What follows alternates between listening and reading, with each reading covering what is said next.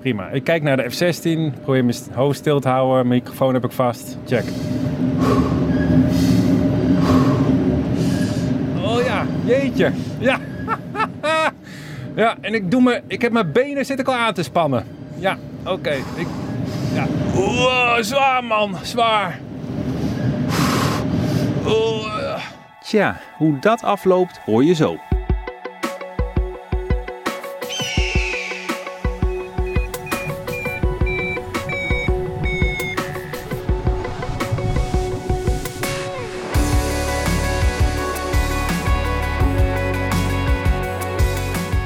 Hallo, welkom bij een nieuwe aflevering van Paragliding Vliegpraat. De podcast die helemaal in het teken staat van vliegen aan een stuk doek met een hoop lijnen die op zijn tijd ontzettend in de knoop kunnen raken.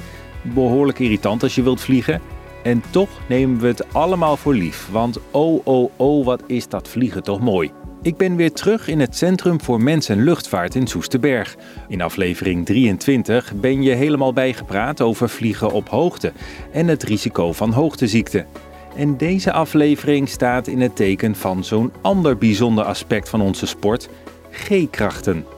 Die je ervaart in bijvoorbeeld een snelle bocht of stijlspiraal. Kapitein Hans Wittenberg zorgt weer voor het antwoord op alle vragen als hoofd van de afdeling luchtvaartfysiologie bij de Koninklijke Luchtmacht. Fijn dat ik er weer mag zijn. Ja, uh, heel welkom weer, uh, Harro. Leuk dat je er weer bent. Hans, hoeveel G-kracht heb je zelf meegemaakt? Uh, ik heb 9G gehad. Dus 9 keer de zwaartekracht. Hoe vond je dat? pijnlijk en ik moet ook eerlijk zeggen dat ik er bewusteloos door geraakt ben. Oh, dat is wel heel heftig meteen. En was dat in zo'n centrifuge of echt in een vliegtuig? Dat was in een uh, centrifuge, ja. Daarnaast heb ik het ook gewoon wel goed gedaan hoor. Maar ik heb natuurlijk meerdere keren in zo'n apparaat gezeten. Maar een van de keren ging het fout, ja. Dat was een uh, training die ik deed in Amerika, in uh, San Antonio in Texas. En wij moesten daar uh, eh, 9G draaien. En dan heb je een hele aanloop, hè, dat doen we zelf ook hier met de mensencentrifuge, naar uiteindelijk zo'n 9G-profiel toe. Het is niet zo dat je er iemand in zet en meteen zegt, nou prima, laten we 9G. Oh, dat dacht ik, hij wordt langzaam opgevoerd. Ja, gelukkig hebben we daar nog een kleine opbouw in. Maar het laatste profiel wat we moesten draaien, dat was ehm, naar 9G, een aantal pieken naar 9G.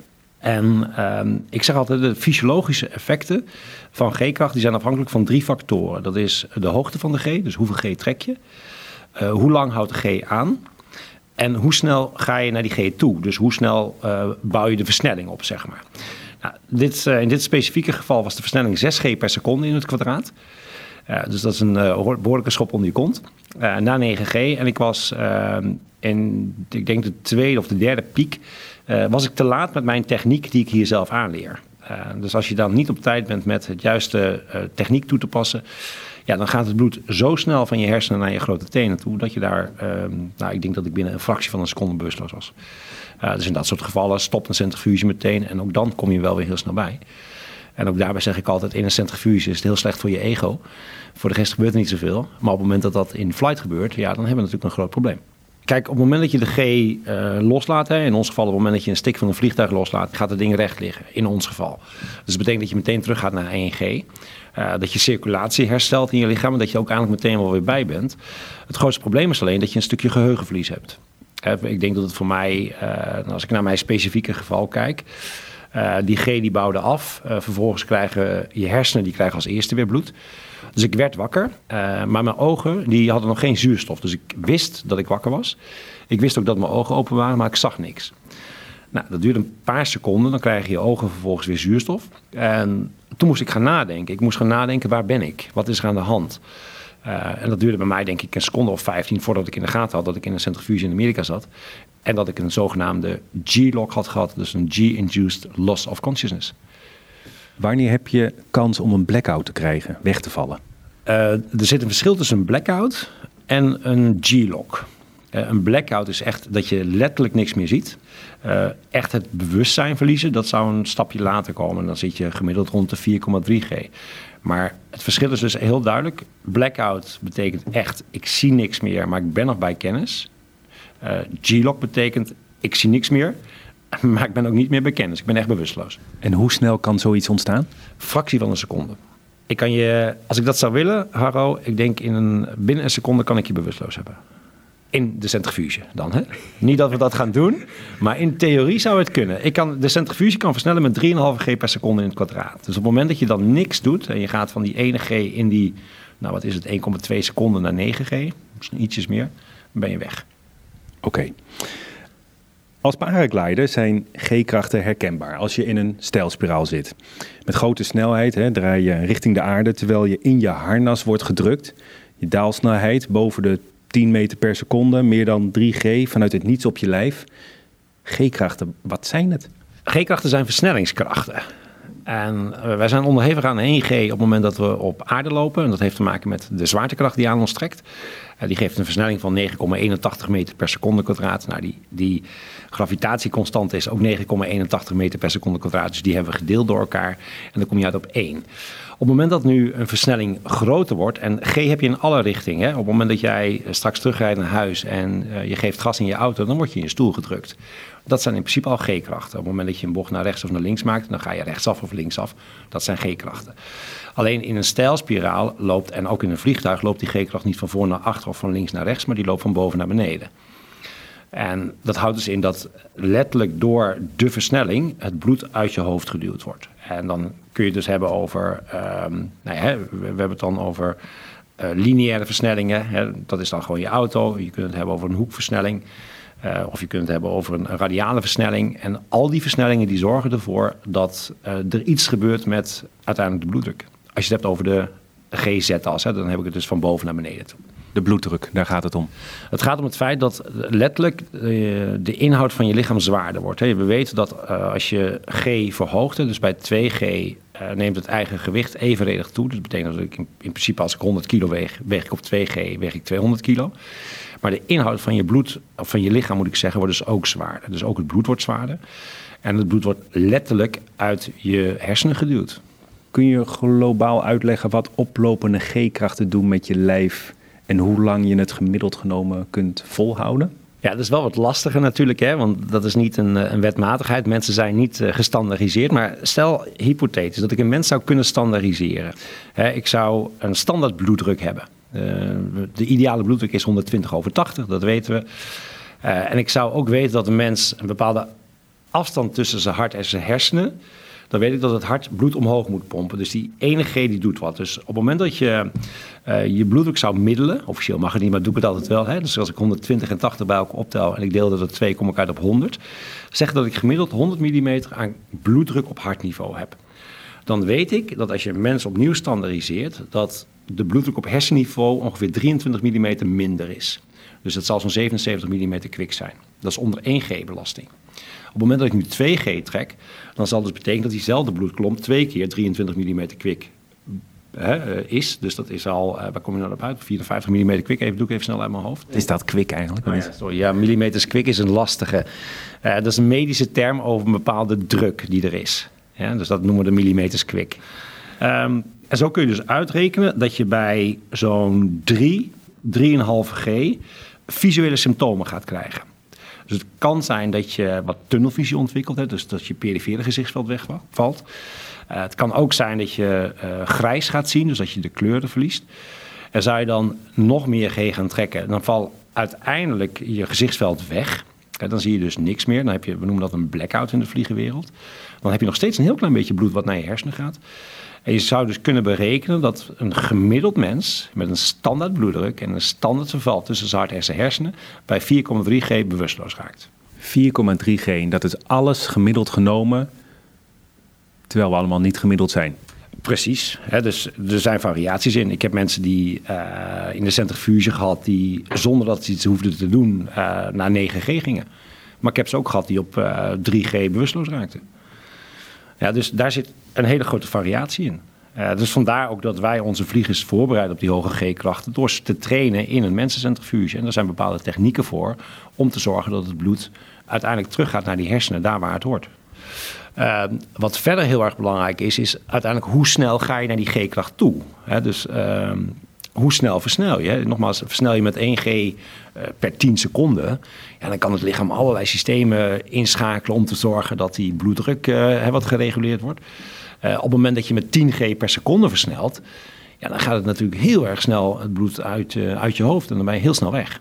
Als wij een stijlspiraal draaien, dan zit je eigenlijk al ja, vrij rap binnen een aantal seconden echt in een, uh, in, een, in een forse spiraal, zeg maar. Met bijbehorende G-kracht. Dus een aantal seconden. Ja. Als, dat, als die G-kracht hoog genoeg is, zou je er dus visueel last van kunnen krijgen. En in theorie, opnieuw, uh, als je wat lage bloeddruk hebt... of je hebt, uh, nogmaals, het verval is wat groter... dan zou je ook op die, op die nou ja, 3, 3,5 G, 4 G... in theorie zou je daar bewusteloos van kunnen raken, ja.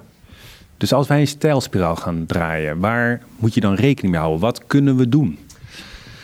Nou ja, als je visuele symptomen krijgt, eh, dan moet je ervoor zorgen dat het bloed eigenlijk niet verder naar je benen zakt. Want dat gebeurt er. Dus wat je kunt doen is zorgen dat je bijvoorbeeld de spieren in je benen gaat aanspannen. Daarmee duw je als het ware het bloed of het, uh, bloedvatenbed, daarmee druk je wat dicht. Hè, dus kan er wat minder bloed in staan. Blijft er meer bloed op hartniveau, kan uiteindelijk naar je hersenen. Dus dat is het eerste wat je kunt doen. Dus op het moment dat jij zegt, ik kan mijn span mijn kuiten aan, ik span mijn bovenbenen aan. Ja, dan zul je al zorgen dat het, dat het bloed eigenlijk minder goed weg kan. En dan zou je zeker bij.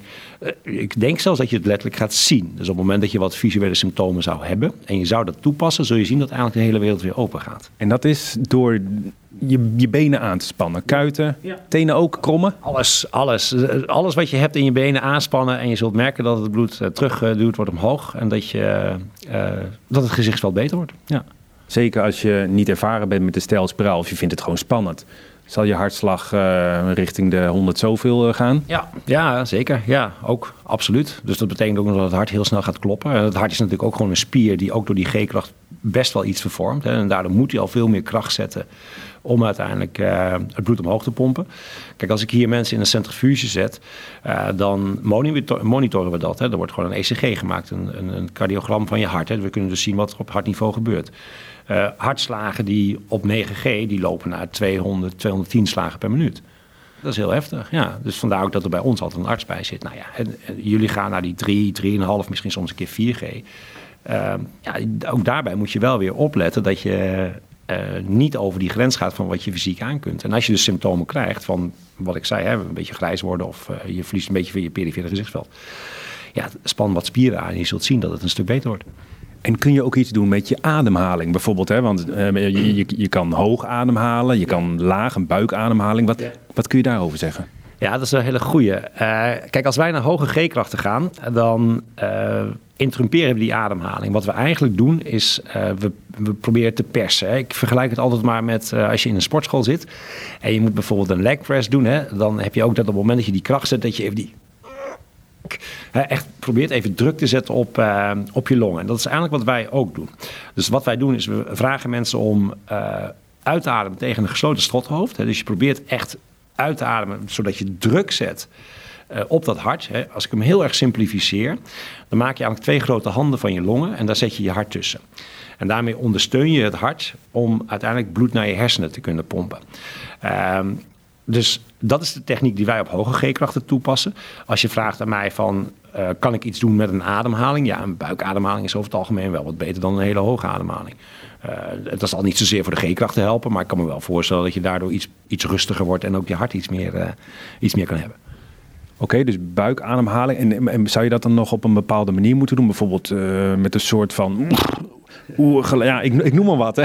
Ja, klinkt een beetje als een paard nu, maar, maar moet je daar nog wat mee? Nee, ik zou dat uh, bij, bij dit soort lage G-krachten zou ik dat niet doen. En dan zou ik echt vertrouwen op, uh, op, mijn, op mijn spieren. Dus ik zou je kunnen adviseren nogmaals om je, om je benen goed aan te spannen. Je kunt je billen wat meenemen. Uh, soms merk je ook dat als je wat, wat hogere G-krachten trekt, dat het ademen iets lastiger wordt. Hè?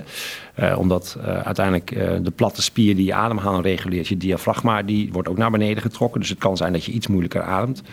dan wil het nog wel eens helpen om je buikspieren bijvoorbeeld erbij aan te zetten. Hè? Dus dat je ook je buikspieren goed aanspant. uiteindelijk gaat het erom dat je zuurstof naar binnen krijgt en dat uiteindelijk zuurstof naar je hersenen gaat. En dat is door G-krachten wordt het wat bemoeilijkt. Het om kunnen gaan met G-krachten, waar is het allemaal van afhankelijk? Komen we weer een beetje bij de gestandardiseerde mensen uit. Maar uh, waar moet je rekening mee houden? Ja, inderdaad, bloeddruk is natuurlijk een hele belangrijke. Opnieuw uh, heb ik dat natuurlijk de vorige keer ook al verteld. Maar dehydratie, hè, hydrateren is gewoon een hele belangrijke. Uh, wat we weten is een stukje stress. Een bepaalde stress kan positief werken. Maar op het moment dat je te veel stress hebt, dan is het natuurlijk weer wat minder. je bloedsuikerspiegel, hè, dus heb je wel of niet gegeten, dat bepaalt heel erg. Uh, leeftijd. Uh, oudere mensen over het algemeen kunnen iets beter tegen G-krachten dan wat jongere mensen. Beter tegen G-krachten? Ja, uiteindelijk is het zo dat ons aderingssysteem blijkbaar iets minder soepel wordt op het moment dat we ouder worden. Uh, en dat betekent dus dat er ja, minder bloed in je benen kan staan. Dus je, je krijgt gewoon iets meer, ja, iets meer bloed wat omhoog komt. Ehm, daarnaast is het natuurlijk ook hoeveel ervaring heb je. Ben jij inderdaad een beginnend vlieger en je hebt helemaal nul ervaring met G-krachten ja, dan zal je dat wat, wat heftiger ervaren en misschien ook wel wat sneller zien dan iemand die natuurlijk al uh, tig uur uh, onder zo'n glider heeft gehangen. Maar het is dus niet handig, zeg je, om te stijlspiralen als je stress hebt van je werk of thuissituatie of je hebt ochtends niet goed gegeten, denkt ach het kan allemaal wel, ik doe het wel op ervaring. Ja, dat is lastig. Uh, en dat kan, hè, want ook wij hebben natuurlijk vliegers die al dat soort dingen meemaken. Alleen dan moet je wel weten wat je moet doen om te zorgen dat het bloed niet echt helemaal wegzakt. Dus dan zou je dus kunnen kijken of je hè, ook bij wat lagere G-krachten toch wat kunt aanspannen. Zodra je die onderste extremiteiten aanspant, uh, zul je merken dat het echt wat, uh, wat makkelijker wordt. Maar ook zeker, ja, wij hebben ook vliegers die, die soms vergeten om te eten omdat ze heel druk zijn of niet genoeg drinken. en dan merk je wel dat het gewoon wat lastiger is. En, en wij hebben natuurlijk een hulpmiddel erbij. Hè. We hebben uiteindelijk anti-G-broeken. We hebben een broek met luchtcompartimenten die opbouwt of opblaast op het moment dat je G hebt. Ik vergelijk het altijd maar voor de jongere luisteraars maar een corset. Dat werd, eh, vroeger werd dat aangespannen en dan uh, werd dat heel strak om het lijf van de vrouw getrokken. Nou, zo zie je dat ook een beetje bij een G-broek. Een lucht, broek met luchtcompartimenten die opblaast om dat bloedvatenbed maar uh, dicht te drukken als het ware. En het bloed weer naar boven. En exact het bloed zorgen dat het bloed eh, terugkomt omhoog. En dat doen we dan met die, uh, diezelfde techniek, die uh, ondersteunt dan.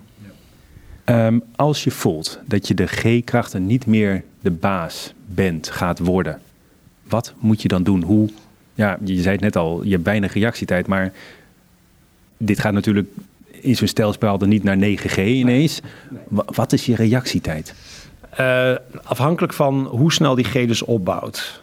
Uh, als die G vrij langzaam opbouwt, dan zul je redelijk wat reactietijd hebben. Dan kan je makkelijk wat dingen doen. Uh, als die G heel snel opbouwt, dan wordt het wat lastiger. En dan heb je natuurlijk nog um, een relatief beperkte G.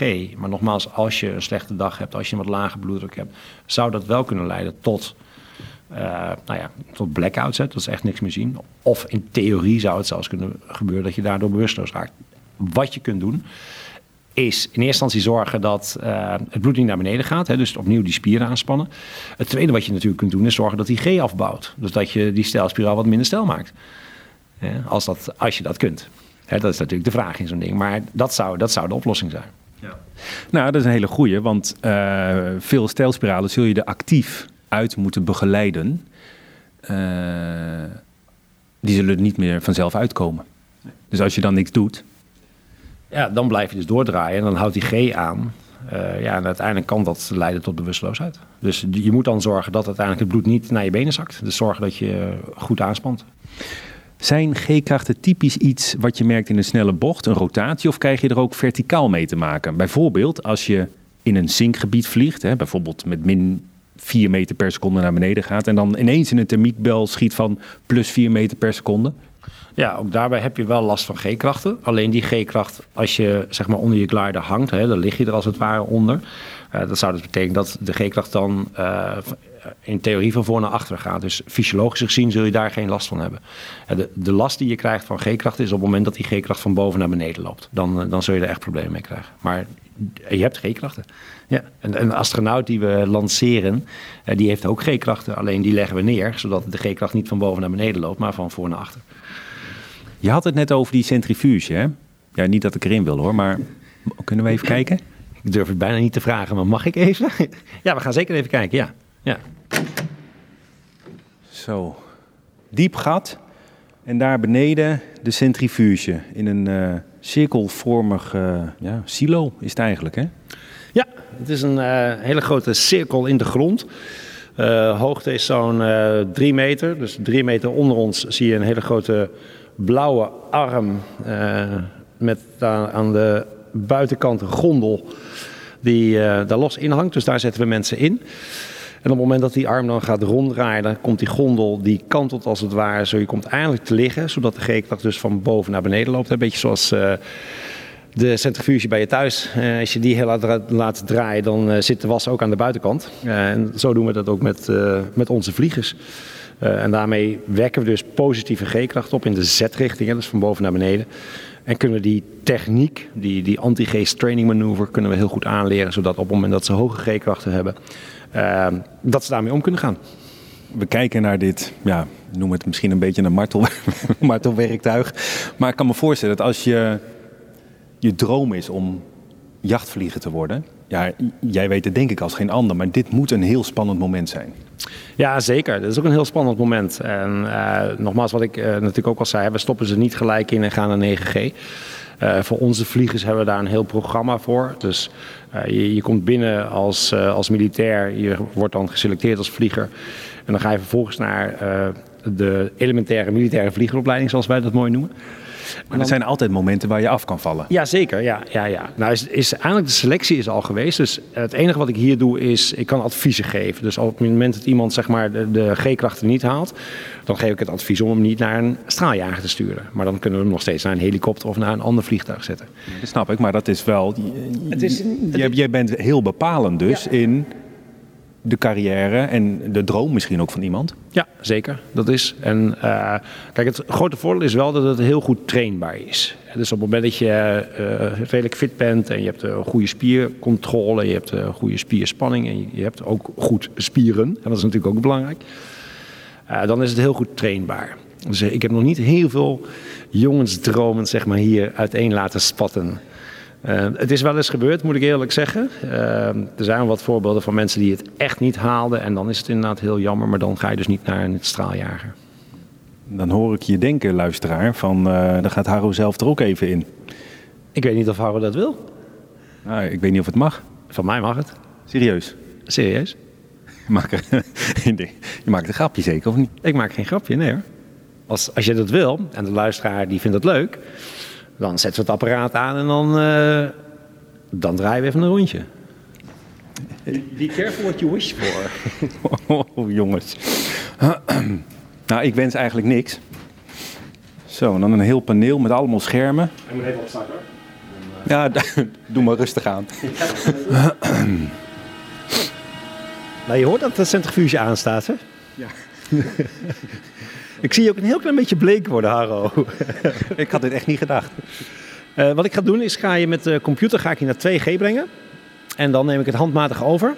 En dan gaan we tot, uh, nou, ik denk maximaal 3,5. Uh, eh, ligt een beetje aan. Ik denk dat je hartslag en je bloeddruk nu wat hoog is. Dus misschien dat we 4G kunnen aantikken. Uh, en dan maar kan ik dat zelf aangeven of ga jij dat doen? Nee, dat mag je zelf aangeven. Nee, je hebt uh, altijd zelf de controle. Ik kan natuurlijk niet bepalen wat jij wel en niet nog wil. Ja, maar dat is een beetje de max die ik ook mag. Hè, want anders moet ik echt foto's hebben van je rug. Uh, want er komt natuurlijk een behoorlijke belasting op. En we willen niet dat je vreemde dingen gaat doen. Oké, geen vreemde dingen doen. Jongens, wat ik allemaal wel niet voor vliegpraat over heb.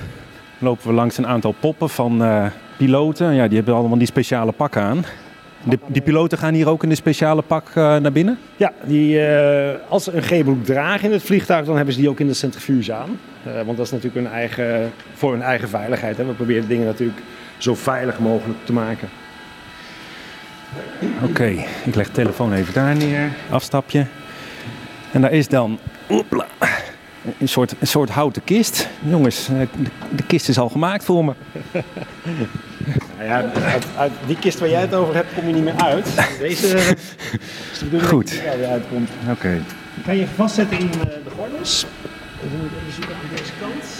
Ik kijk naar een scherm en dan zie ik een uh, F-16. Gaat dat zo bewegen ook of ja. niet? Ja, de F-16 die uh, vliegt zo meteen weg. Ja. Hans is helemaal aan het uitleggen wat er gaat gebeuren nu. Deze, daar zit een trekker aan, net zoals dat je een geweer overhaalt. Als je die helemaal naar achter trekt, dan stopt de centrifuge ook, maar wat gebruikersvriendelijker. Ja, normaal gesproken doe ik dat allemaal. Maar mocht om wat voor reden je willen stoppen of de communicatie wegvallen of wat dan ook, hè, dan kun je zelf altijd het apparaat stoppen. Gewoon dit doen. Gewoon één keer naar achter trekken en dan stopt hij. Ja? Dat geeft een stukje veiligheid, hè? Verder, um, oh, deze F-16 die je hier voor je ziet, hè, de hele mooie oranje F-16, die gaat een linkerbocht maken. En nogmaals, jij gaat erachteraan. Dus op het moment dat je die bocht maakt, zal dus de G-kracht toenemen. Uh, die G-kracht die lees je weer hier onder de linkervleugel. Dus dan kan je ook nog aan je luisteraars vertellen hoeveel G je hebt. Um, nou, dat is eigenlijk het meest belangrijke wat je hier ziet. Ja, voor de rest zul je merken dat je wat zwaarder wordt, maar dat ga ik je allemaal uitleggen. Oké, ik heb een beetje trillende benen nu. Uh, dat snap ik, maar je bent in goede handen. Laten we het daarop houden. ja, ik, ik, hoop dat je tot nu toe een leuk gesprek vond, anders merk ik dat zo meteen. ik zet even het headset ja. voor je op en dan kan ik met je praten, met je communiceren. De microfoon die valt wel wat weg, maar dat is niet zo heel erg. Ja? Ja, oké. Check. Veel plezier. Ja. Geniet ervan. Ja, ga ik doen.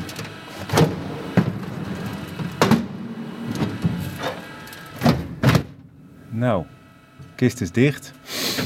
Oké, okay, benen aanspannen. Gewoon benen aanspannen. ja, nou, weet je wat het punt is? Normaal gesproken, als je gewoon uh, lekker een snelle bocht maakt of een stijlspiraal, dan zie je alles om je heen. Hè? En dat is, uh, ja, ja, prima. Ik kijk naar de F16, probeer mijn hoofd stil te houden, microfoon heb ik vast. Check. Oh ja, jeetje. Ja. Ja, en ik, doe me, ik heb mijn benen zit al aan te spannen. Ja, oké. Ja. Zwaar man, zwaar. Ja, herkenbaar van de stijlspiraal. Ja. Wat zei je nou ook alweer over het strottenhoofd? 3G, jongens.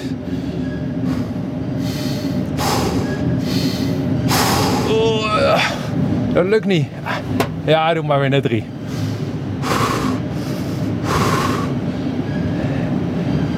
Ja, 2,5. Och man, dit is wel een verademing dit. Ik vond 3,5 prima. Ja. Oh, jij, jij kan naar me kijken ook, of niet? Oh ja. Ja, wat een verschil. Dat is zo fascinerend dit. Maar jij hebt dit dus met 9G gedaan, joh? Oh man, ik snap dat je helemaal weg bent. Maar vind je dat dan ook leuk of niet? Nou, super. Hartstikke toffe ervaring. Dankjewel. Ja, wel echt toffe ervaring. Ik heb toch weer op je bucketlijst af. Ja, dit is toch stoer, man. Ja, ik, Zo. Dat werkte echt goed met die druk op je benen, zeg. Ik deed het even wel en even niet. Merk je verschil? Ja, je merkt meteen verschil. Dat is echt als je ook maar iets, iets aan uh, vertroebeling krijgt van je beeld. Het aanspannen van je benen zorgt er meteen voor dat het bloedvatenbed afgedrukt wordt en dat het bloed terug gaat naar je hoofd. En dat je je volledige gezichtsveld terugkrijgt. Je wordt er niet knapper op onder G-krachten, dat kan ik je dan wel ook voor zeggen. Maar, maar de beelden worden gewist, toch? beelden zijn, beelden zijn allemaal gewist, zijn niet eens opgenomen. Dus weet Nou, tot slot, nog een tip voor de luisteraar? Uh, ja, wees, wees uh, bewust bij G-spiraal of bij stijlspiralen wat je doet. wees je bewust van het feit dat die G-kracht opbouwt. Uh, zorg ervoor dat je, als je wat meer G trekt, dat je daar je maatregelen op neemt. Dus probeer je benen aan te spannen. Uh, misschien zelfs een beetje je buikspieren bij uh, aanspannen. Ja, en uh, als je er actief uit moet, ja, zorg dat je die G-kracht niet te hoog laat oplopen. Maar dat is soms heel lastig voor jullie. Dus dan heb je alleen maar één oplossing. Dat zorgt dat het bloed niet naar je benen zakt. Hartelijk dank. Wederom. Heel graag gedaan. Wederom. Hans Wittenberg van het Centrum voor Mens en Luchtvaart hoorde je over G-krachten. Dank aan Guido Lauwman en Paul Blok voor hun achtergrondinformatie. En nu is het weer tijd om de grens over te gaan naar de rubriek Schermfabrikanten aan het woord. En deze keer praat ik met Jin. Hi, my name is Alexander. I'm a part of the marketing team from Jin Gliders, and yeah, I'm based in Austria. Jin is from South Korea. Uh, our designer and founder of Jin, Jin Seok-sung, comes from South Korea. Ik begin met twee korte vragen. Sinds wanneer bestaan jullie? Uh, Jin is an old competition uh, pilot.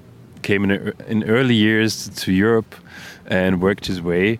And yes, and founded Jin Gliders Paragliding kent inmiddels verschillende disciplines. Wat voor soorten schermen maken jullie? Well, we produce uh, a lot of kinds of wings, uh, from the beginner wing to XC wings uh, to mini wings to uh, paramotor wings, uh, the, the whole range. Oké, okay, dit waren de korte vragen. Laten we beginnen. Welke doelgroep hebben jullie in gedachten? That's that's a little bit tricky, but also easy. Uh, as I said, uh, gin comes from the com- competition side, and so our wings are more uh, maybe sportive, um, active, but also very safe. So it's from the beginner to the competition pilot. Wat is jullie filosofie als het gaat om het maken van paragliders? Our philosophy, well, to make a good wing, to put it on point. And can you elaborate on this a little bit, a little bit more? a little bit more. Um, a, go- what is what is a good wing? A good wing is uh, it has to be safe, it has to have perf- performance, and most of all, um, pilots have to have fun and have a good feeling. Uh, Jin has his his personal philosophy, and he adapts his knowledge uh, to new products, and is still learning also in the development. So um, we're looking in a in a bright future with interesting things that come. Hoe delen jullie schermen in binnen een klasse? From low B to, to high B, and on a upper section we have the Explorer, um, uh, on the lower part with the Calypso, and yeah, the difference you see it on the numbers, the aspect ratio, on on on number of cells, you know, the typical um, differences. I always say um, fly your A wing as long as you can, and then make the next step. Um, it's it's it's for every brand the same. Um, a lot of pilots change maybe too early because uh, I've made my certification and I have to change now. It's not necessary because also uh, low class wings like an E uh, uh, ENA or low B wing, a lot um, very fun to fly, uh, agile and safe. How Houden jullie ook rekening met lieren? Yeah, our you can winch the Jing Gliders too. Yes, I know it's very popular in in the Netherlands. We, we have to. yeah, I know. Uh, so I'm traveling a lot, so I know, I know it. Also, the northern part of, of Germany. It's new for me because I'm living in the mountains. it was a new experience. Yeah. But I mean, there seems to be fewer and fewer lines on the wings. Our gliders are safe for winching. Um, yeah. Only thing is what, what I, I learned or I saw at the festivals that people who used to have uh, heavy wings, um, they're surprised how easy our our wings uh, launch. So you don't need a lot of force. They come so nice, and uh, that's something that's for something's funny to watch because they're very surprised and take off very soon. While winching, you mean? Yeah, on winching. Also at the normal start, but at winching especially. Wat zien jullie als belangrijkste toekomstige ontwikkeling? Important future development. Well, um, as we started with the wave leading edge um, to make uh, wings safer. Um, yeah, I think it's not. We didn't reach the ceiling or the sky yet. There will come a lot. Maybe not as as many things that happened in the last 10, 15 years, in, but in small steps, it will improve the gliders.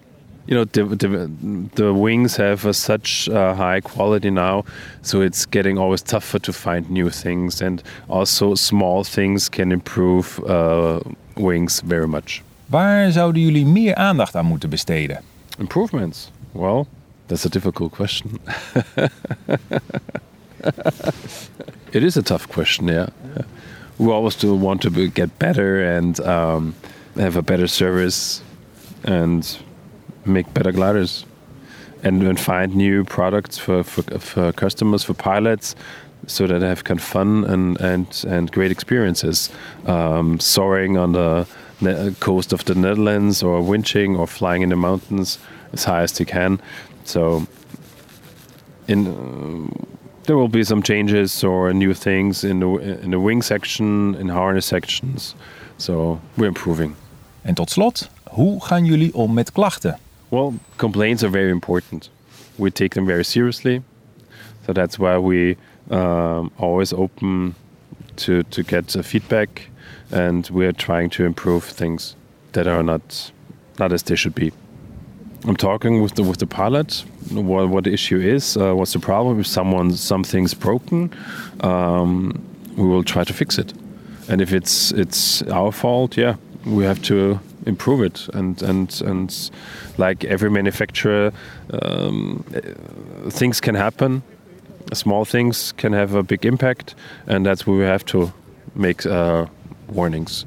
Especially in Germany, you have the DHV. So it is a bit different. Um, so if it's because it's it's not it's not bicycle bicycle uh, riding or something else. You're flying up high, and so it's it's necessary. If there is something, we have to make an issue, and we stand for it.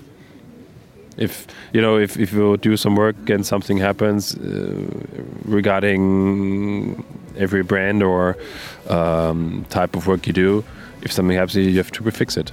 That's your responsibility. And if it's maybe happened because you have a bad landing, we have a perfect service team who can fix the stuff. Met Jin komt voorlopig een eind aan de rubriek Schermfabrikanten aan het woord. De volgende vliegpraat, de laatste alweer van dit derde seizoen, staat geheel in het teken van een, ja, hoe zal ik het omschrijven? Een grootse comeback is in de maak. Tot zover deze aflevering van Vliegpraat.